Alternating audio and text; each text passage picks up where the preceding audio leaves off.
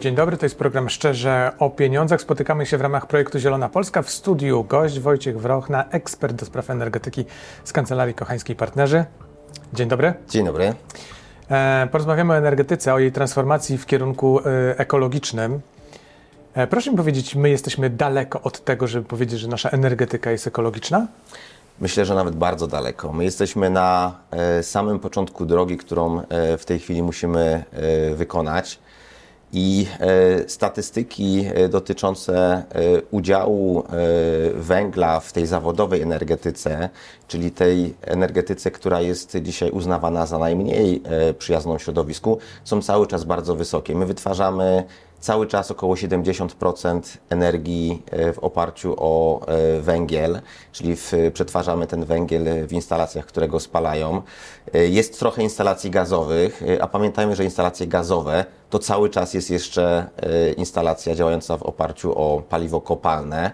Oczywiście jest coraz więcej nowych odnawialnych źródeł, fotowoltaika, wiatr na lądzie, wiatr na morzu, ale cały czas za mało jest tych niskoemisyjnych, zeroemisyjnych źródeł, żeby można było powiedzieć, że jesteśmy chociażby w środku tej ale ścieżki. Czy, czy widać to, że, mm, że coś się zmienia? Na pewno. Zmienia się bardzo dużo, e, natomiast e, tu jest wiele e, uwarunkowań, które wpływają na to, jak szybko się transformujemy. Dobrym przykładem jest na przykład program Mój Prąd, który ze względu na dofinansowanie, które rząd umożliwił, pozwolił na instalowanie w znacznej skali fotowoltaiki prosumenckiej, czyli mam na myśli tutaj te instalacje, które są... się dzięki temu trochę bardziej odpowiedzialni za to, żeby być ekologicznym. Ja myślę, że też. Y, to jest bardzo dobra i cenna uwaga. Wydaje mi się, że tak, bo z jednej strony y, zaoferowano nam możliwość y, obniżenia rachunków za energię, ale jednocześnie instalując tą fotowoltaikę, dano pewien taki sygnał, też sygnał taki trochę mentalny, że stajemy się Weź czystszy. na swoje barki tak. człowieku trochę bardziej odpowiedzialności ekologicznej, tak? Tak, tak, tak, ewidentnie i cała transformacja taka prośrodowiskowa, bo my mówimy o transformacji energetycznej, ale tak naprawdę to jest tylko jeden element takiej szerszej transformacji prośrodowiskowej, bo równolegle do energetyki i przechodzenia na źródła zeroemisyjne, niskoemisyjne toczą się inne procesy w zakresie gospodarki odpadami, czyli tej gospodarki obiegu zamkniętym, żeby jak najmniej tych odpadów wytwarzać. Część z nich również można zagospodarowywać na potrzeby tworzenia ich spalania i tworzenia energii. Więc to jest jakby szereg różnych polityk i ta energetyka jest bardzo istotnym, ale tylko też jednym z elementów takiej transformacji proekologicznej, prośrodowiskowej. Ile lat nam zajmie przestawienie się, czy inaczej, my w ogóle jesteśmy w stanie dojść do energetyki zeroemisyjnej? W pewnym momencie na pewno, natomiast dzisiaj toczą się nawet trudne debaty na temat tego, w jaki sposób do tego dojść, bo pamiętajmy o tym, że Cały czas mamy pewne problemy techniczne. One y, wynikają z tego, że gdyby dzisiaj y, y, zainstalować tylko i wyłącznie fotowoltaikę w całym kraju, i przy założeniu, że ta fotowoltaika byłaby nam w stanie zapewnić 100% zużycia energii i nie byłoby tych problemów, o których się powszechnie mówi, że jak nie świeci słońca i tak dalej. Y, przyjmując czysto teoretyczną koncepcję, że to by było możliwe, y, to my dzisiaj mamy problem y, z techniczny, bo Czyli fotowoltaika sieci, nie jest w stanie Sieci tak, ale z dwóch powodów. Ten taki mhm. najbardziej powszechnie znany, czyli brak możliwości przyłączenia, ale z drugiej strony sieć działająca w oparciu tylko o fotowoltaikę nie jest w stanie funkcjonować e, tak, jak funkcjonuje dzisiaj, e, bo fotowoltaika nie jest w stanie e, zapewnić mocy biernej w systemie, nie jest w stanie zapewnić inercji, czyli pewnych elementów technicznych, o których się nawet nie mówi, ale bez których prąd nie może być dostarczany z miejsca wytworzenia do miejsca zużycia. To, jedno pytanie takie wtrącające, zaraz wrócimy do tego wątku, ale proszę mi powiedzieć, pan sobie wyobraża w ogóle, to futurologia czysta, ale że my mamy tak skonstruowany nasz system energetyczny, że każdy sam sobie produkuje energię e, jeśli mieszka w domu, to wie- łatwiej to sobie wyobrazić, ale wspólnota no, ma też różne instalacje. Jeżeli sąsiad potrzebuje, bo, a drugi ma więcej, to można się tym e, dzielić i generalnie energia, przestaliśmy się nią przejmować. To jest czysta futurologia, czy kiedyś może być coś takiego? To jest dzisiaj e, jeszcze e, pieśń przyszłości, e, ale to już nie jest koncepcja, która jest tylko i wyłącznie Na papierze, na tak. papierze i, i takim z, z, z natury głębokiego science fiction. Wydaje mi się, że to jest możliwe, natomiast z drugiej strony jestem jakby przekonany, że kierunek rozwoju to jest trochę taki mieszany system, tak? To znaczy system, w którym z jednej e, strony będziemy schodzić e, coraz bliżej z produkcją do odbiorcy, czyli właśnie produkujemy blisko, zużywamy blisko między sąsiadami, Czyli nie tracimy na przesyłach. nie tracimy na przesyłach. Z drugiej strony musimy zapewnić e, e, bezpieczeństwo sieci jako całości. Musimy zapewnić, że w momencie, kiedy dojdzie do jakiejś awarii i ta jakaś drobna nasza lokalna e, jednostka z jakiegoś powodu przestanie pracować, To weźmiemy z dużej. to weźmiemy z dużej elektrowni albo od sąsiada obok, ale ten prąd też będzie musiał być przesłany. Ta sieć będzie musiała działać, ta sieć będzie musiała być operacyjna, więc wydaje mi się, że takim przejściowym systemem na pewno jest system mieszany z e, większymi źródłami, z lokalnym zużyciem. E, I tutaj pojawia się jeszcze pewien e, istotny element, o który może warto też, na który też może warto zwrócić uwagę. To są typy źródeł. E, Na przykład nisko czy zeroemisyjna energetyka jądrowa. W jakim zakresie ten, e, to źródło wytwarzania w naszym systemie zagości i jakie to będą e, typy tych A źródeł. to jest, no właśnie, o typy to jest bardzo ważne pytanie, bo to jest pytanie tak naprawdę, jak ten miks energetyczny nasz ma wyglądać. Ile procent tego, ile procent tego, jak schodzić z tego węgla, no bo schodzić będziemy do zera, tak? Docelowo tak i w tej chwili e, Polska wskazała datę odejścia od węgla. Pojawia się oczywiście pytanie, czy odejście od węgla oznacza e, to, że my też nie będziemy, czy też będziemy się starali nie wykorzystywać innych paliw kopalnych, czyli też odejdziemy od gazu.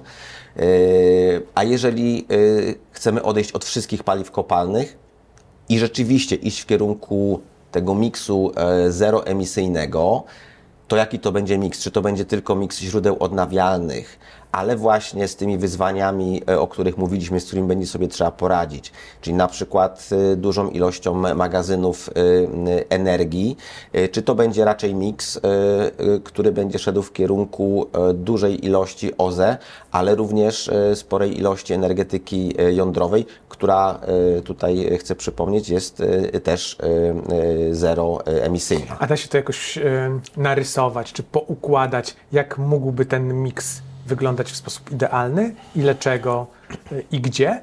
Bo to też jest ważne. Y, y, To jest y, jedno z największych wyzwań, y, chyba y, takich y, prawnoregulacyjnych, dlatego że y, można zoptymalizować y, miks energetyczny i y, powiedzieć, y, tyle potrzebujemy energetyki jądrowej, e, tyle potrzebujemy e, energetyki e, odnawialnej, tyle potrzebujemy magazynów, zaprojektować to optymalnie i wdrożyć albo próbować wdrożyć.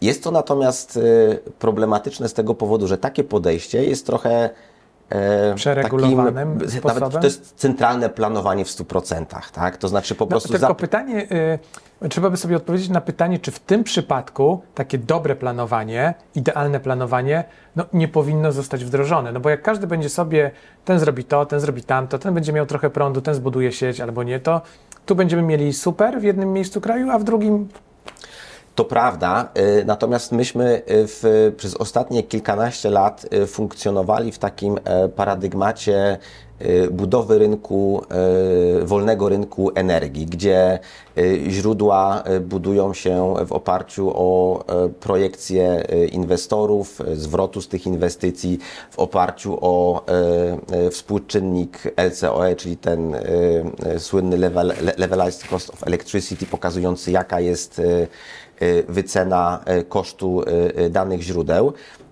Ale chyba też doszliśmy w pewnym momencie do takiej lekkiej ściany, bo żeby tworzyć wolny rynek, tworzymy coraz więcej regulacji.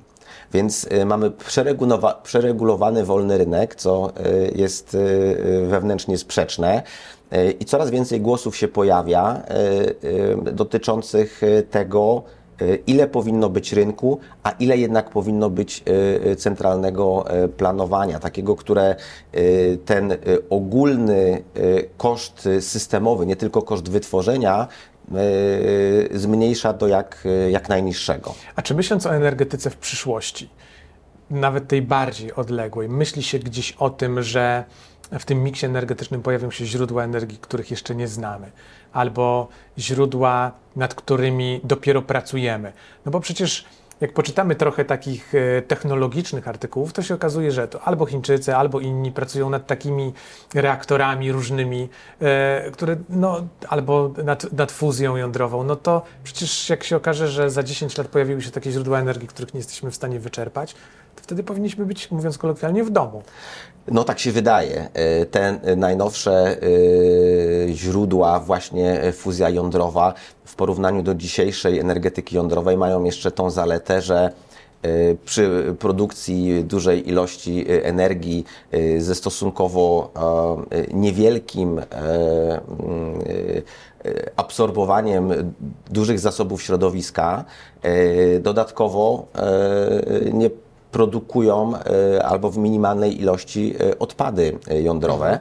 I tutaj chciałbym do, do, jeszcze do jednego wątku nawiązać, mianowicie do tego, w jakim zakresie ingerujemy w środowisko, tworząc czy rozwijając energetykę.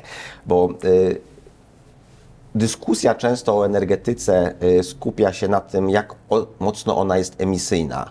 Natomiast y, często y, zapomina się o innym wątku, który dzisiaj być może w Polsce jeszcze nie jest zbyt mocno dyskutowany, ale na przykład w innych krajach, gdzie ta energetyka odnawialna jest mocno rozwinięta, to jest spór pomiędzy samymi, można powiedzieć, grupami ekologicznymi, czyli zwolennikami szybkiej zmiany klimatu, znaczy szybkich, szybkiej transformacji klimatycznej, mhm. a grupami, które zajmują się ochroną bioróżnorodności. E, budowanie wszędzie magazynów energii, e, wiatraków, e, fotowoltaiki, niestety z perspektywy zachowania bioróżnorodności jest kłopotliwe, no bo to powoduje ograniczenie możliwości migracji zwierząt, ptaków, cieki wodne to ma wpływ e, również na Czyli trzeba z głową to wszystko projektować i Trzeba budować. to projektować z głową e, i, i, i, prawda jest taka, że e, postawienie wszędzie wiatraków, postawienie wszędzie magazynów energii i fotowoltaiki, jak, jak dobre by nie było z perspektywy emisji CO2, z perspektywy na przykład zachowania bioróżnorodności jest czasami kłopotliwe. Być może właśnie tutaj rozwiązaniem jest energetyka jądrowa, która będąc zeroemisyjna emisyjna jest zdecydowanie mniej ingerująca, jeżeli chodzi o jakby skalę zabudowy, prawda? Mhm. Więc to wszystko się ze sobą łączy. Prostych odpowiedzi na pewno nie ma. To jeszcze jeden wątek na, na y, koniec naszej rozmowy, taki puentujący wydaje mi się, bo zastanawiam się, jak, y, czy my jako społeczeństwo jesteśmy na przykład gotowi wiem, ciut więcej zapłacić, żeby mieć tę energię czystą, zeroemisyjną. Czy, czy dla nas liczą się pieniądze i nawet niech będzie z węgla, byle była tania. Ja czy myślę... jesteśmy edukacyjnie już, czy jesteśmy na tyle wyedukowani, że wiemy, że no, jednak e, warto mieć tą czystą myślę, że Myślę, że coraz bardziej, e, natomiast ja bym to powiązał po prostu z e, ogólnym poziomem zamożności, bo dlaczego na zachodzie Europy czy w Stanach Zjednoczonych jest dużo większy dużo większa chęć płacenia trochę więcej za czystszą energię czy za czystsze środowisko, dlatego że w tych społeczeństwach, można powiedzieć, zapewnione są pewne podstawowe potrzeby egzystencjalne. W, no i koszt energii w koszyku tego, co kupujemy, nie waży tyle, ile u nas. Dokładnie, prawda? dokładnie. Natomiast jeżeli pójdziemy sobie na zupełnie drugą stronę tego bogactwa, i zobaczymy społeczeństwa biedne w y, y, Azji y, czy w Afryce, to tam zdecydowanie